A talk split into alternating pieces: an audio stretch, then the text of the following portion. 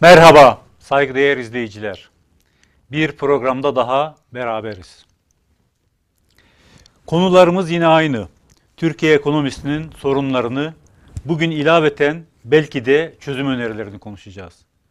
Ama hiçbir zaman gaflete düşmemek için yapmamız gereken bir şey var. O da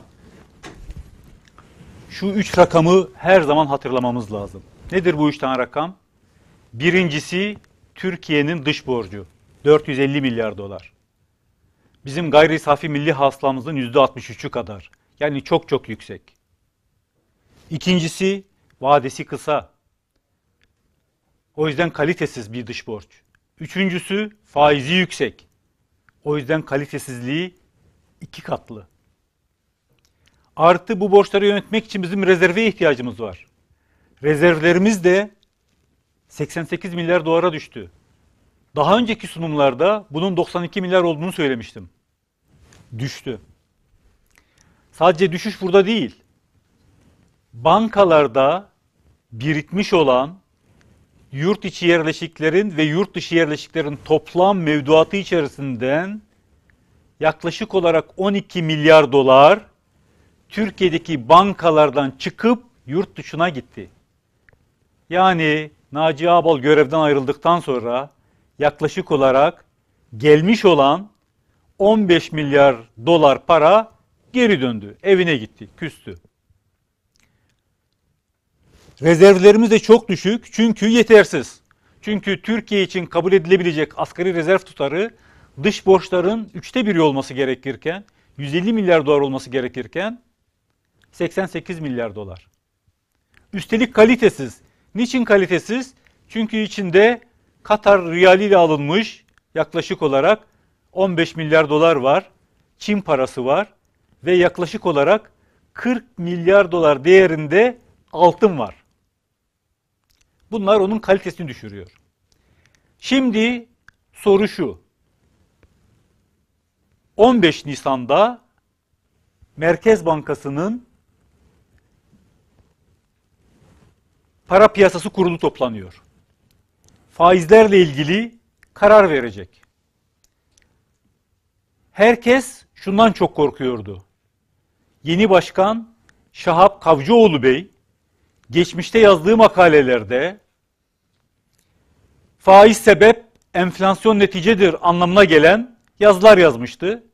O yüzden ilk toplantıda faizleri indirme ihtimalini herkes fiyatladı ve çıkışların büyük bir kısmının da sebebi o. Ama daha sonra Şahap Bey yaptığı toplantılarda faiz indirmek gibi bir planı olmadığını söyledi. Piyasalarda şu anda yatışmış bekliyor. Peki piyasalar Merkez Bankası'ndan bu kadar emin mi? Değil. Piyasalar hala Şahap Bey'in yapması gereken adımları atmayabileceğiyle ilgili olarak aklına soru işaretleri var mı? Var. Peki sorumuz şu. Niçin Merkez Bankası'nın bu faiz indirmesi ve yükseltmesiyle ilgili olarak bu kadar zor durumdayız? Niçin Cumhurbaşkanımız bu faiz yükseltmelere karşı bu kadar şiddetli bir şekilde muhalefet ediyor? Velev ki Türkiye'nin ve diyelim ki partisinin ve hükümetinin aleyhine bile sonuçlar verse yine de vazgeçmiyor bundan. Acaba Cumhurbaşkanımızın bu şiddetli karşı çıkışının temelinde ne yatıyor? Yani faiz sebep enflasyon neticedir gibi teorik bir cümlenin, inadın tek açıklayıcı sebep olduğuna inanamayız. Böyle bir şey bizim algı dünyamızı tam olarak ikna etmez. O yüzden başka bir şey olmalı. Daha gerçekçi bir şey, daha hayata dokunabilir bir şey, daha ölçülebilir bir şey olmalı. Bence bunun ne olduğu bellidir. Ve şimdi bunu anlamak için bir videomuz var. O videoyu bir izleyelim. Tabii bu arada özellikle yüksek faiz sebebiyle üretimin, ticaretin, ihracatın, istihdamın temsilcileri olan sizler sahada yaşananların tercümanı olarak karar vericilere yol gösteriyor, ışık tutuyorsunuz. Zira yüksek faizin nelere mal olduğu ortada. Yüksek faizle bizler gerçek anlamda yatırım yapabilir miyiz? Sizler bu işin içindesiniz. İstihdam üretebilir miyiz? Mümkün değil. Peki üretim yapabilir miyiz? O da mümkün değil. Peki ihracata yönelik ciddi adımlar atabilir miyiz? O da mümkün değil. Öyleyse bizim bu noktada çok daha dikkatli olmamız lazım ve yüksek faize yatırımcımızı ezdirmememiz gerekiyor. Bunun için ekonomiyle ilgili her konuda iş dünyamızda ve onların temsilcileriyle olan sizlerle istişare etmeye özel önem veriyoruz. Aldığımız tüm kararlarda, attığımız tüm adımlarda sizlerle birlikte oluşturduğumuz ortak akıldan faydalanıyoruz. Sektörlerimizin ve şehirlerimizin sorunlarını, taleplerini, beklentilerini sizlerle birlikte konuşuyor, tartışıyor ve birlikte çözüm yolları geliştiriyoruz. Evet. Sayın Cumhurbaşkanımızı dinledik. Ben bir de ben okuyayım bir kısmını. Tam pekişmiş olsun aklımızda. Yüksek faiz sebebiyle üretimin, ticaretin, istihdamın temsilcisi olarak sizler sahada yaşananların tercümanı olarak karar vericilere yol gösteriyorsunuz.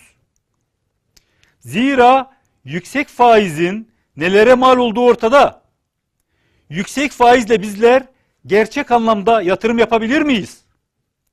Sizler bu işin içindesiniz. İstihdam üretebilir misiniz? Mümkün değil. Üretim yapabilir misiniz? Mümkün değil. İhracata yönelik atım atabilir miyiz? O da mümkün değil. Bizim bu noktada dikkatli olmamız lazım ve yüksek faize yatırımcımızı ezdirmememiz gerekiyor. Şimdi bütün kötülüklerin kaynağı olarak yüksek faizi gören Cumhurbaşkanımızın bu düşüncelerine, bu fikirlerine katılmamak mümkün mü? Mümkün değil. İlk etapta, ilk okuduğumuzda Cumhurbaşkanımız yüzde yüz haklıymış gibi duruyor. Hiç kimse burada bu fikirlere itiraz edemez gibi gözüküyor. Üretimin, ticaretin, istihdamın, yatırımın tek düşmanı var yüksek faizler. O zaman biz üreticiyi, istihdamı, yatırımcıyı ezdirmemek için faizleri düşük tutmamız lazım. Acaba bu fikir doğru mu? Herkese doğru gibi gözüken bu fikir doğru mu? Şimdi bunlara, bu fikirlere tek tek bakalım. Birincisi şu. Türkiye'deki firmalarımız çok borçlu. Toplam kaynaklarının yaklaşık olarak yüzde 72'sini yüzde 72'sini borçla oluşturuyorlar. Bir bizim bilançoyu alabilir miyim? Bilanço görselini. Bu bilanço görselinden gördüğünüz gibi firmalarımızın burada 1 milyona yakın firmamızın toplulaştırılmış bilançosu var. 1 milyona yakın. Yaklaşık 750 bin civarında. Ve bu bilançoları bize Merkez Bankası toplulaştırdı. Teşekkür ederiz. Çok çok güzel bir çalışma. Şimdi biz bu çalışmadan şunu görüyoruz. Türkiye'deki şirketlerimizin bilançosunda kaynakların %28'i öz kaynak, %72'si yabancı kaynak. Yani borç. Yani Türkiye'deki firmalar borca mahkum edilmiş. Peki bu başka ülkelerde nasıl? Başka ülkelerde böyle değil. Başka ülkelerde, akranımız olan ülkelerde firmaların öz kaynakları toplam kaynakların %50'si kadar, %50 kadar da borç alıyorlar. Daha gelişmiş ülkelerde şirketler kaynakların %72'sini öz kaynakla sağlıyorlar. %30 civarında, 20-30 civarında borç alıyorlar. Peki bu niçin böyle? Neden Türkiye'deki firmalar neden Türkiye'deki firmalar borçla dönüyor? Borçta dönüyor da öz kaynaklarını artıramıyorlar. Sermayelerini artıramıyorlar. Birinci sebep enflasyon. O bir kenarda dursun. Ben ikinci bir veriyi de size söyleyeyim ki tam pekişmiş olsun. Türkiye'de Türkiye'de biz vatandaşlar olarak biriktirdiğimiz parayı nereye yatırıyoruz? Vatandaşlar, şirketler, kurumlar olarak nereye yatırıyoruz? Diyelim ki 100 lira biriktiriyoruz. Biriktirdiğimiz bu 100 liranın 70 lirasını mevduat ve katılım hesaplarına yatırıyoruz. %25'ini tahvil ve sukuklara yatırıyoruz. Geriye ne kaldı? Yüzde beş. Bu yüzde beşle de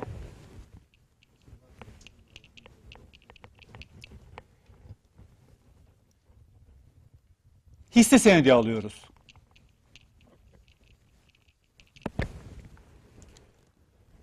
Yani Türkiye'de insanlar biriktirdikleri 100 liranın 95 lirasını başkasına borç olarak veriyorlar. Ve sadece yüzde beşiyle gidip şirketlere ortak oluyorlar. Amerika'da birikmiş paranın yüzde 45'i şirketlerin şirketlere gidiyor. Şirketlere ortak oluyor. Amerika'da insanlar 100 lira biriktiriyorsa bunun 45 lirasıyla gidip şirketlere para yatırıyorlar. Bu Fransa'da yüzde 25, Kore'de yüzde 20, diğer ülkelerde de 15 ile 25 arasında değişiyor. Yani Türkiye'de biz pay piyasalarını yani İstanbul borsasını geliştiremediğimiz için geliştiremediğimiz için şirketler borsaya gidip sermayelerini yükseltemiyorlar. Yükseltemeyince de ne oluyor? Gidip borç alıyorlar. Borç alınca da iki şeyden çok etkileniyorlar.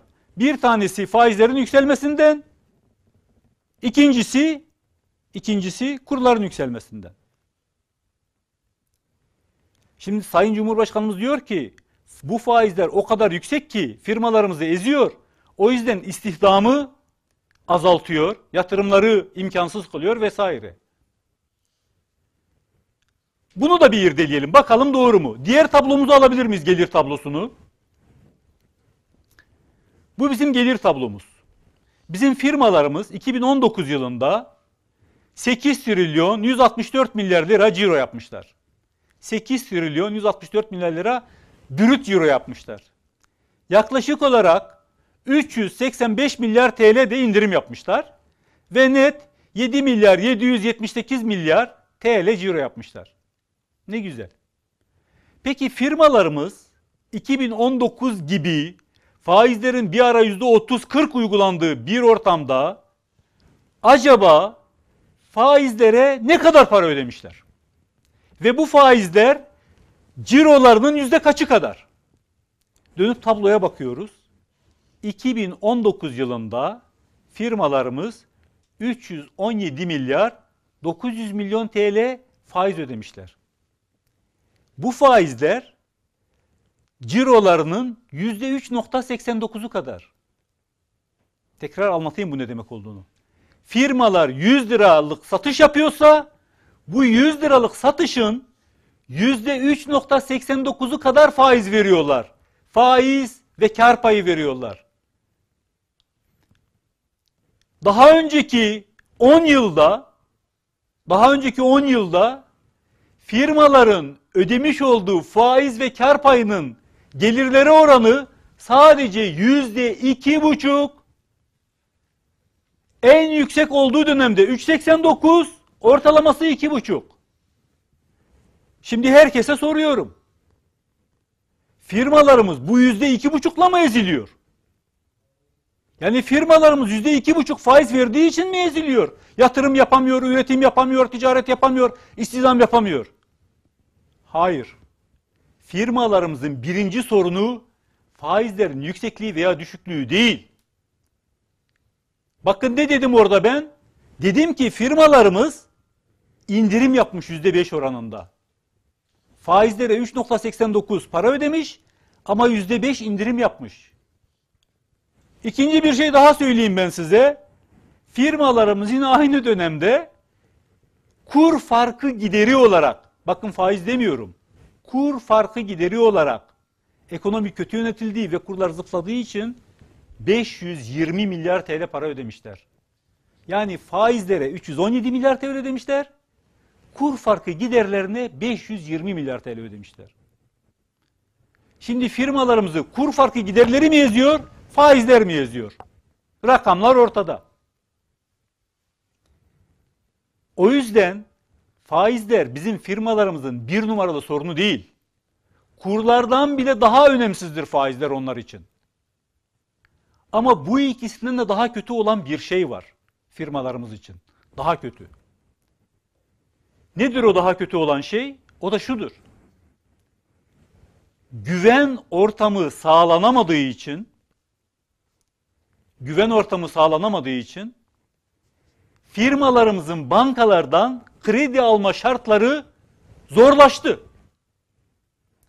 Yani firmalarımız geçmişte örnek veriyorum kefaletle 100 lira kredi alabiliyorken şimdi 100 lira kredi alamıyor. İlaveten 50 lira kredi alabiliyor. İlaveten 50 lira kredi alabilmek için ipotek istiyor bankalar. Başka teminatlar istiyor. Kemküm ediyorlar, mırın kırın ediyorlar. Yani kredi alma şartlarının zorluğu bizim firmalarımızın en büyük sorunu. En büyük sorunu. Peki niye bu sorun haline geliyor? Çünkü Türkiye'de ekonomiye güven azaldıkça bankalar kredi verme şartlarını zorlaştırıyorlar. Zorlaştırmak mecburiyetinde kalıyorlar. Şimdi tekrar bir sıralama yapalım. Türkiye'deki firmaların kredilerle ilgili bir numaralı sorunu güven sorunudur. İki numaralı sorunu dövizdeki istikrarsızlıktır. Belki üç numaraya faizleri koyabiliriz. Faizleri koyabiliriz. Bu kadar. Bu kadar mı bu kadar. Peki gelelim başka konulara. Bir firmalarımız açısından baktık. İki, peki firmalarımız bu yüksek faizden dolayı mı yatırım yapmıyorlar? Yani Türk lirası faizler diyelim ki 19 değil de 12 olunca firmalarımız yatırım mı yapacak? Soru bu. Firmalarımızın yatırım yapmamasının temelinde yüksek faizler mi yer alıyor? Şimdi öncelikle şunu söyleyeyim. İki tane veri vereceğim ben size. Bir tanesi Türkiye Bankalar Birliği'nin proje finansmanı verileri var. İkincisi benim 25 yıllık bankacı olarak tecrübem var. Şunu söyleyebilirim. Eşya üretmekle ilgili olarak, imalat yapmakla ilgili olarak alınmış ve verilmiş kredilerin %90'ı Türk lirası değildir. Dövizdir. Ya Türkiye'deki bankalardan alınmıştır, ya yurt dışındaki bankalardan alınmıştır ya da yurt dışındaki satıcı kredisiyle alınmıştır. Türkiye'de bankalar Türk lirasını 30 gün vadeyle alıyorlar, topluyorlar. 30 gün vadeyle topladığınız bir parayı 2 yıl ödemesiz 10 yıl vadeli kredi olarak verebilir misiniz? Veremezsiniz. Verirseniz öyle yüksek bir faiz uygularsınız ki yatırımcı bu krediyi aldığını alacağına pişman olur. Yani şu, Türk lirası Türkiye'de hiçbir yatırımın kaynağı değildir. Türk lirasıyla Türkiye'de hiç kimse yatırım yapamaz.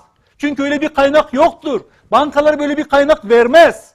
Çünkü bankalarda da böyle bir kaynak yok. Çünkü bankalardaki istikrarsızlık, ekonomide olan güvensizlik insanlara da yansıyor. Gidin bakın bankalara. Açılan hesapların %90'ı bir ay vadeli, 32 gün vadeli ortalaması. Vadeye kalan gün bakımından 32 gün vadeli. Yani 32 gün sonra ortalama itibariyle söylüyorum. Bankalardaki bütün TL'leri çekiyoruz ve bir daha yatırıyoruz. Çekiyoruz ve bir daha yatırıyoruz. Bugün 19 olan faiz gelecek defa belki 17 olur, belki 27 olur. Bunu da bilmiyoruz. Bu güvensizlik ortamının müsebbibi vatandaşlar da değil, bankalar da değil. Güveni kim yıkıyor? Özetleyelim. Türkiye'de TL faizlerin yüksekliği ve düşüklüğü yatırımları katiyen etkilemiyor doğrudan. Dolaylı olarak etkiliyor. Onu anlatacağım. Peki nasıl etkiliyor? Anlatacağım onu. Ama bir şey daha söyleyeyim. Türkiye'de faizler kesinlikle yatırımlar artsın diye indirilmez. Onun için indirilmiyor. Türkiye'de faizler tüketimi artırmak için indiriliyor. Türkiye'de faizler inince tüketim artıyor. Sadece tüketim artıyor. Faizleri bugün 19'dan örnek veriyorum 9'a düşürün. Yarın piyasadaki her şey ve bol bol kredi verin. Yarın piyasadaki bütün malları herkes satın alır. Bir günde, iki günde, üç günde, bir ayda, iki ayda, üç ayda. Yaz aylarında gördük. Bol kredi verilince bazı bayilerde çöp niyetine araba kalmadı. Satılmayan, uzun süredir bekleyen arabalar bile satıldı. Dünyanın her yerinden ilave paralar vererek, prim vererek Türkiye araba getirdik. Neden? Çünkü faizler düşmüş. Türkiye'de faizler düşünce toplam talep artıyor. Toplam talep dediğimiz piyasada ne var ne yok onu alıyorlar. Gelin görün ki piyasada satılan malların büyük çoğunluğu ithal mallar. Arabaların %90'ı ithal. Yani Türkiye'de üretilenlerdeki ithal payını da katarak söylüyorum. Telefonların tamamı ithal, bilgisayarların tamamı ithal. Elektronik eşyanın tamamı ithal. Televizyonların %80'i ithal. Mobilyalardaki sünger ithal. Kumaşları ithal. Yani Türkiye'de siz faizleri indirdiğiniz zaman faizleri indirdiğiniz zaman tüketim artıyor. Tüketimin artması da Türkiye'deki fabrikalara yaramıyor. Bir miktar yarıyor. Ama esas olarak Türkiye'de faizleri indirdiğiniz an yurt dışındaki firmaların kapasitesi artıyor. Onların işleri güzelleşiyor. Onlar Türkiye'ye mal satıyorlar. Ve ne oluyor? Bizim borcumuz artıyor. Neden? Çünkü cari açık veriyoruz dışarıda mal aldığımız zaman. Borcumuz artınca herkes tedirgin oluyor. Bize verilen borcun faizi artıyor. Rezervlerimiz azalıyor vesaire. Peki faizlerin indirilmesinin yatırımcılar üzerinde hiç mi etkisi yok? Yatırımlar üzerinde hiç mi etkisi yok? Olmaz mı? Var. Onu anlatacağım. Şimdi diyelim ki bir mal alıyorsunuz. Ben de bir sanayiciyim. Kapasitemin %75'ini kullanıyorum. Talep arttı. Talep arttığında benim kapasitem 80'e yükseldi. Ben hemen ertesi gün yatırım yapıyor muyum? Hayır. Daha kapasitem var. 85'e çıktık. Ben hemen yatırım yapıyor muyum? Hayır. Daha kapasitem var. 90'a çıktık. 95'e çıktık. %100'e çıktık. Ben hemen yatırım yapıyor muyum? Ha 95'e geldikten sonra ben düşünmeye başlıyorum.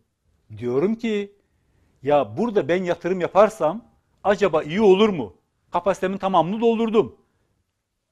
Yatırım kolay bir şey değil. Ben sanayiciyim. Param var, pulum var, itibarım var, her şeyim var.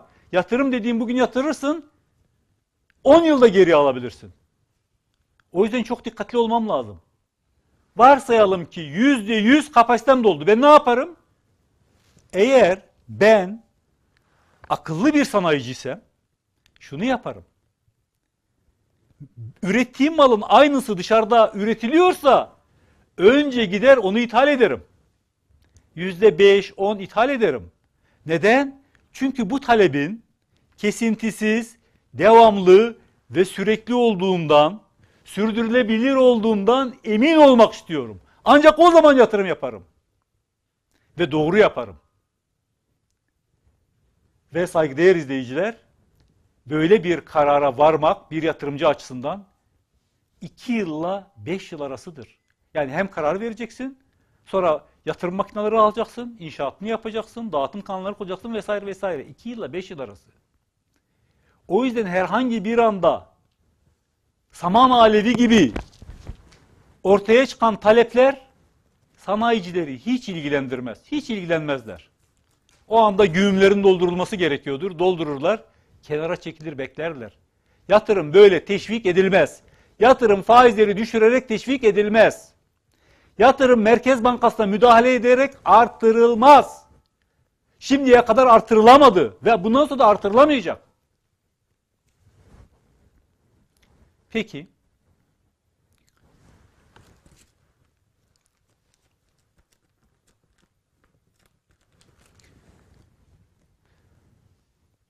Şimdi şöyle bir şey düşünelim. Cumhurbaşkanımız karışmayacak artık bu işe. Merkez Bankası'na tayin ettiği arkadaşa yüzde yüz güveniyor. Oradaki yüzde yüz ekibe güveniyor. Ne yaparlarsa yapsınlar onlara karışmayacak. Onlara vereceği tek bir hedef olabilir.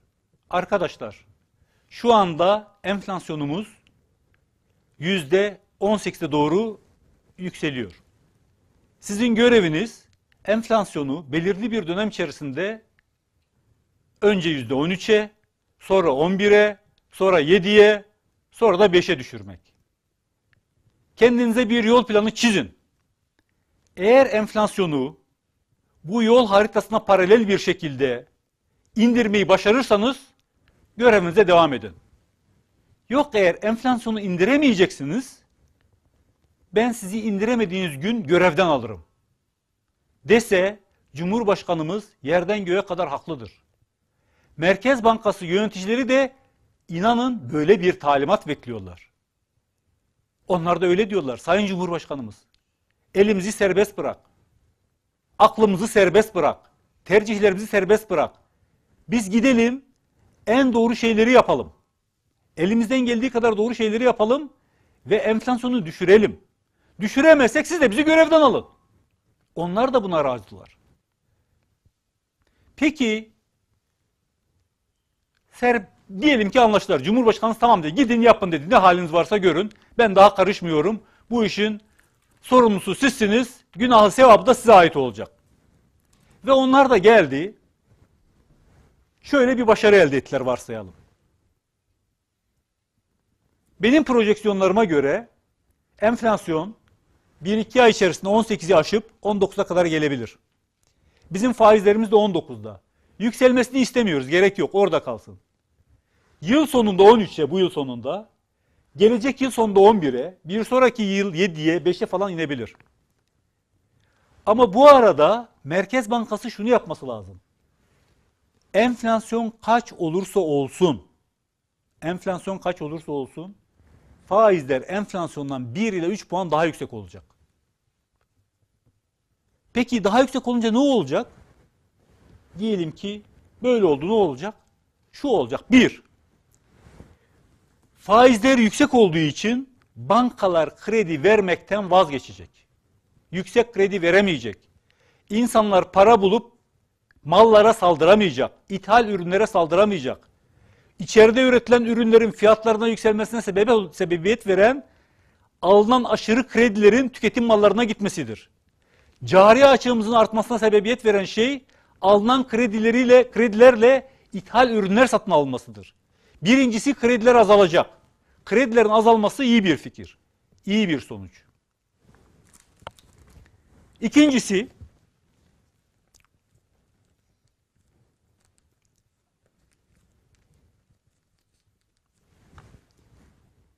piyasalarda mal almak için bekleyen, serseri para dediğimiz, nereye gideceğine henüz karar verilmiş paralar var. Faizler enflasyonun üzerinde olursa paralarını vadeli hesaba koyarlar. Harcamazlar yani. Tasarruf ederler. Bu da iyi bir şey. Üçüncüsü, eğer böyle bir şey yapılırsa, güven ve istikrar sağlanacağı garanti edilirse, yabancılar da dövizlerini getirip satarlar ve tahvil, sukuk, vadeli hesap, hisse senedine yatırırlar. Biz de onların parasını bu sorunlardan çıkış aşamasında kullanabiliriz. İşimize yarayabilirler. Dördüncüsü, iç pazar birazcık daralınca bizim kapasitesi diyelim ki az önce demiştik 80'di kapasitemiz 60'a düştü. İç pazarda daraldı mal satamıyoruz ne yapabiliriz? İki şey. Eğer yurt içinde bu mallara bir talep yoksa bazı bantları kapatırız. Deriz ki üretimimiz %6, 60'a düştü. Bazıları çalıştırmıyoruz. Ama eğer dışarıya satma imkanı varsa bu malları üretir ve yurt dışına satarız. İhracatımız artar. Döviz gelirimiz artar. Döviz gelirimiz artarsa cari hesabımız kapanır. Rezervlerimiz artar. Dış borçlarımız azalır. Dış borçlarımıza verilme şartları iyileşir. Tabi sadece enflasyonun indirilmesi için faizlerin yükseltilmesi yetmiyor. İlaveten geçen programda anlatmıştık. Endekslemeyi geçmişteki enflasyona göre değil, gelecekteki enflasyona göre yapmak gerekiyor. Yani topluma da fedakarlık yapmak düşüyor. Yani bakın enflasyon 19. Ben diyelim ki bir emekliyim. Bana zam yaptıkları zaman diyecekler ki Mehmet Ali biz sana 19'a göre zam yapmıyoruz. Niye? Sen çünkü 2021 ile 2022 arasında düşük enflasyon olduğu bir ülkede yaşayacaksın.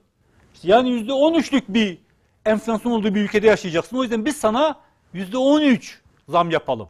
Yani benim gelirimi %6 azaltacaklar. İki, yönetilen yönlendirilen fiyatlar var. İşte çay, şeker, içki, sigara, otoban ücreti, metro ücreti, otobüs ücreti falan filan, elektrik, su bunlar devletin şeyleri. Bunlara da gelecekteki enflasyona kadar, enflasyon kadar zam yapılması lazım. Geçmiştekine göre değil. Yani devlet de yönetilen, yönlendirilen fiyatlarda inisiyatif kullanıp daha düşük tutması lazım. Yani dört tane en az şey söylemiştik. Bir, faizler enflasyon üstünde olacak. İki, krediler azalacak. Toplam talep canlandırılmayacak. Üç, endeksleme gelecekteki enflasyona göre yapılacak zamlar. Dört, yönetilen yönlendiren fiyatlar bu programa destek olacak. Peki böyle olunca ne olacak? İstikrarlı bir ortam olacak dedik. İşte yabancılar gelecek. En çok beklediğimiz şey budur zaten. Yani hükümetin enflasyonu indirmekle ilgili başarmak istediği birinci şey nedir? Aslında yabancıların para getirmesidir. Şimdi yabancılar ve yerliler enflasyon üzerinde bir faiz görünce ne yapıyorlar? Şunu yapıyorlar. Yabancılar getirip döviz bozduruyor. Döviz bozunca ne oluyor? Türkiye'de dövizin fiyatı düşüyor. Dövizin fiyatı düşünce ne oluyor? İthal edilen malların fiyatları düşüyor. Yani şöyle diyelim. Diyelim ki 1000 dolarlık bir mal alacaksınız. 7 liradan kur olursa 7 bin liradan onu 7 bin liraya mal ediyorsunuz. Kurlar 8,5 liraysa 8500 liraya mal ediyorsunuz. Şu anda diyelim ki bugünkü kurlarla söyleyelim. Kurlar 8-15 olduğu için 1000 dolarlık bir mal Türkiye'ye 8150 TL'den giriyor. Halbuki kurlar 6.90'a düşse 6900 liradan gelecek. Yani o malın fiyatında büyük bir indirim olacak %15-20 civarında. İthal edilen bütün malların böyle fiyatları düşünce bu ithalatın da düşme ihtimali artıyor. Düşme ihtimali artıyor. Neden? Çünkü ithal edilen malların geçirgenliği var. Kurlar yükseldikçe ithal mallar yükseliyor. İthal mallar yükselince ondan her ürün kullanıyorlar ve o kurlardaki fiyat geçirgenliği enflasyonu yükseltiyor. O yüzden yabancıların getireceği para ve içeridekilerin bozduracağı para ve altınla kurlar da bir miktar düşer. İstikrar sağlanır. Peki bunun zararları yok mu? Olmaz mı? Hem de çok zararları var. Onu size söyleyelim. Birincisi eğer bizim sanayimiz ihracata yönelik bir sanayi değilse bazı bantlar fabrikalarda kapanır. Bazı bantların kapanması işsizliğin artması demek. İki, toplam talep düşerse satışlar, cirolar düşeceği için firmalar eleman sayısını azaltabilir. Bu ve benzeri sebeplerle Türkiye'de işsizlik azalmayacağı gibi artabilir de. Yani enflasyonun düşürme süreci zor bir süreçtir. Maliyeti var. İkincisi, dedik ya ithalat azalacak toplam talep olmayınca. İthalatın azalması ne demek? şu demek. Malları ithal ettiğimiz malları mesela diyelim ki ne ithal ediyoruz? Araba. İthal ettiğimiz arabalara ödediğimiz ÖTV ve KDV var. Diyelim ki 1 milyon araç için senede 5 milyar lira KDV ve ÖTV devlet alıyorsa bu araç sayısı 1 milyon yerine 500 bine düşünce alacağı vergi 2,5 milyara düşer. Azalır yani. Yani de, artı iç piyasada devletin iç piyasada ticaret ve üretim azalacağı için enflasyondan dolayı orada da devletin vergi geliri de azalır. Yani enflasyonu düşürme sürecinde bütçe gelirleri azalacağı için bütçe açığı büyür. Bütçe açığı büyüyünce de devlet nereden bulacak bu parayı? Nereden bulacak? Bulabileceği tek bir yer var, borçlanacak. Yani devletin borçları artar. Enflasyon düşürme sürecindeki bir diğer çıktı odur. Devletin toplam gelirleri azalacağı için gelirleri azalacak. Gelirleri azalacağı için de iç borçta bu açığını kapatmaya çalışacak. Eğer tasarruf edemiyorsa, doğrusu şudur, gelirin ne kadar azaldıysa sen de giderlerini azalt. Azaltabiliyorsa azaltması lazım, değilse borçlanacak. Bu da toplam borçları artıracak. Başka ne olabilir? İşte büyüme düşer, onu söyledik zaten. İş borçlar artar, onu söyledik. İflaslar bile artabilir. Şimdi ne dedik? Enflasyonu düşürme sürecinde bankalar kredi verme şartlarını zorlaştırırlar. Kredi vermek istemezler. Kredi verseler bile piyasada işler azalacağı için, düşeceği için şirketler umdukları gelirleri elde edemeyebilirler. Umdukları geliri elde edemezlerse borçlarını da ödeyemeyebilirler. Enflasyonu düşürmeye çalışmanın güllük gülistanlık bir yolu yoktur. Enflasyonu düşürmek dikenli bir yolda ilerlemektir. Çok zordur. Ama eğer enflasyonu indirirseniz, eğer enflasyonu ikiye indirirseniz, eğer enflasyonu ikiye indirir de kredileri de 3'te 4 ile alabilirseniz o zaman Türkiye bir yatırım cenneti olur. Çünkü faizler 2'ye 3'e düşerse bankalar vadesi 10 yıl 15 yıl olan krediler verebilecek. Bu mümkün hale gelecek. İstikrarlı bir ülke olduğu için dünyadaki herkes gelip fabrikasını Türkiye'ye kuracak. Türkiye'de üretip dünyaya satmaya çalışacak. Yani istikrar sağlamak, enflasyon olmadığı bir ülkede üretim yapmak, enflasyon olmadığı bir ülkede yatırım yapmak, enflasyon olmadığı bir ülkede istihdam yapmak kolaylaşır. Sayın Cumhurbaşkanımızla anlaşamadığımız nokta orasıdır. Enflasyonun yükseldiği bir noktada çare nedir? Tamam fa faizler yüksek olmasın. Tamam olmasın. Ne olsun peki?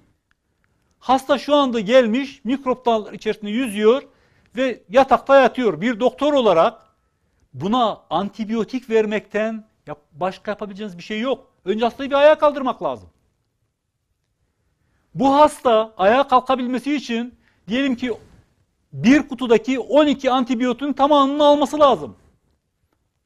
E hastanın sahibi 12 çok fazladır. Valla alt tane yutsun yeter derse o antibiyotik ona şifa vermediği gibi hastalığını da artırabilir. Türkiye'de olan şey de budur.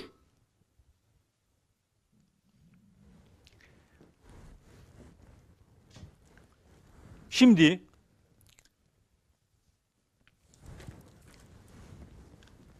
esas bir soru var.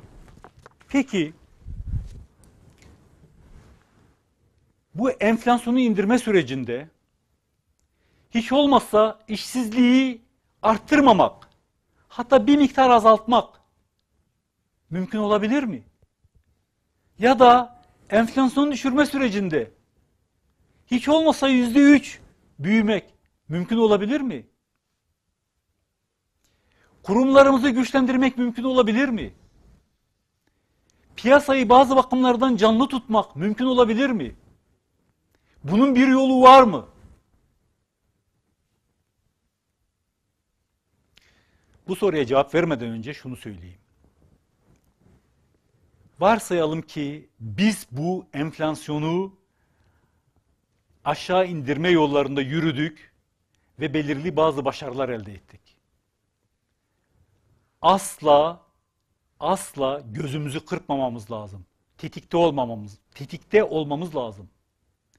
Gaflet içerisine düşersek hiç ummadığımız bir anda, hiç ummadığımız bir anda dünyadaki bazı gelişmelerden dolayı, bakın bizim hatamız değil. Dünyadaki bazı gelişmelerden dolayı, bazı gelişmelerden dolayı Türkiye'ye gelip yatırım yapmış olan insanlar, Türkiye parasını getirmiş olan insanlar yurt dışına çıkıp kaçmaya çalışabilirler. Bu onların hakkı, para onların. İstedikleri zaman karına zararına bakmadan çeker giderler. Bakın eğer çeker giderlerse biz rahat değiliz. Diyelim ki çekip gittiler. Ne dedik? Borcumuz zaten 450 milyar dolar. Gayri safi milli hasılamızın %63'ü. Rezervlerimiz düşmüş 88 milyar dolara. İçindeki kullanılabilir döviz 25 milyar dolar. Eğer bir çalkantı olur da bu 25 milyar doların önemli bir kısmı dışarıya çıkarsa kurlar yine patlar. Kurlar patlayınca ithal malların fiyatı yine yükselir. İthal malların fiyatı yükselince yine enflasyon azar. Yani diyelim ki biz 7'ye inmesini beklerken enflasyonun pat diye 11'den sonra tekrar %14'e çıkabilir. Neden çıkabilir? Bizim bizim suçumuz olmayabilir. Biz her şeyi doğru yapıyor olabiliriz. Çıkabilir mi? Çıkabilir. Neden? Çünkü Türkiye çok kırılgan bir ülke. Çünkü Türkiye'nin dış borçları çok çok yüksek. Türkiye'nin rezervleri çok çok düşük ve kalitesiz. O yüzden kırılganız. O yüzden kırılgan olduğumuz için yatırımcılar, yabancı yatırımcılar her an çıkabilir. Çıkınca da kurlar yükselebilir. Kurlar ithal fiyatlarını yükseltir. İthal fiyatlar da tekrar enflasyonu yükseltebilir. İşte böyle bir durumda yani enflasyonun tekrar 11'den 7'ye düşeceğini 14'e çıktığı bir durumda eğer biz faizlerin 9'da ya da 10'da kalmasında ısrar edersek en başa döneriz. En başa döneriz. O yüzden bizim kararlı olmamız lazım. Dirayetli olmamız lazım. Bedel ödemekten korkmamamız lazım. Ne pahasına olursa olsun. Böyle bir durumda yapmamız gereken şey nedir? Madem dünyada böyle bir çalkantı oldu, bu çalkantı gelip geçinceye kadar bizim taviz vermeden faizleri ona göre ayarlamamız lazım. 13'e mi düşmüştük? 14'e mi çıktı? Biz de burada 16'ya çıkarmayı göze almalıyız. 16'yı göze aldığımız anda istikrarımız garanti altında kalır. İnsanlar bize güvenir. Neden? Ya çünkü bir sorun ortaya çıktığı anda doğrusunu yapan bir yönetim altında herkes çalışmak ister. Ama bir hata ortaya çıktığında panik yapan, yanlış yollara sapan, ucuz yollara sapan, kısa devre yapmaya çalışan yönetimlerin yanında kimse olmak istemez. Çünkü ne yapacakları belli değil. O yüzden bugünkü toplantıda benim enflasyonu engelleme sürecinde yapılabilecek konularla ilgili bir fikrim vardı. Bir fikrim var. Hazırlık yaptım, çalıştım, onu anlatmak istiyordum. Şu anda emin olamıyorum. Yani bu fikirlerimi de alıp çarpıtıp enflasyonu indirmek yerine enflasyonu artırma alanda bile kullanılabilir. Ama tek bir cümleyle bugünkü yayınımızı sonlandırayım. O da şudur. Enflasyonu indirme dönemlerinde bile enflasyonu arttırmayacak ve ithalatı arttırmayacak üretimler, imalatlar ve ticaretler yapılabilir. Ve krediler verilebilir. Krediler adreslenebilir. Krediler nokta krediler verilir. Özel krediler verilir. Onların ne olduğunu rakamsal olarak belki gelecek programlarımda anlatabilirim. Ama şu anda şu noktaya geldik. Cumhurbaşkanımızdan Merkez Bankası'nı serbest ve özgür bırakmasını istiyoruz. Oradaki üyelerin tamamı onun seçtiği kişiler, onun güvendiği kişiler. Onları rahat bırakmasını istiyoruz. Çünkü Merkez Bankası'nın amacı insanları ütmek değil. Şirketleri ütmek değil, bankaları ütmek değil. Para kazandığı zaman sevinmeyen, para kaybettiği zaman üzülmeyen bir kurum. Tek bir amacı var. Fiyat istikrarını sağlamak. Fiyat istikrarını. Yani Türk lirasının değerini korumak. Ve imkan bulursa istihdama ve yatırıma destek olmak.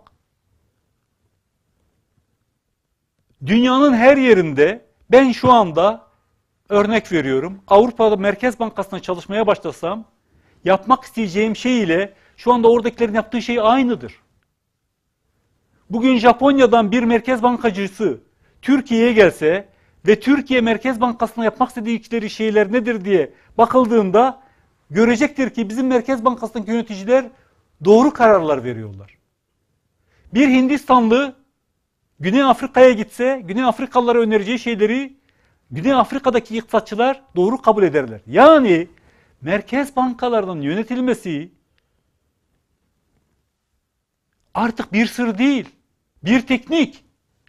Sadece tecrübe kazanmış insanların politika bileşenleri arasında denge gözetmesi, ustalığıyla ilerleyen bir şey. Hepsi bu kadar. O yüzden Sayın Cumhurbaşkanımıza rica ediyoruz. Firmalarımız yatırım yapmamayı yüksek faizden dolayı değil, üretimin azalması yüksek faizden dolayı değil, istihdamın azalması yüksek faizden dolayı değil, ticaretin azalması yüksek faizden dolayı değil. Hepsini tek tek gösterdim. Başka faktörlerden dolayı olumsuzluklar gerçekleşiyor. Hiç olmazsa bir tek şey yapalım. Merkez Bankası'nı serbest bırakalım, işini yapsın. Bugünlük de bu kadar saygıdeğer izleyiciler.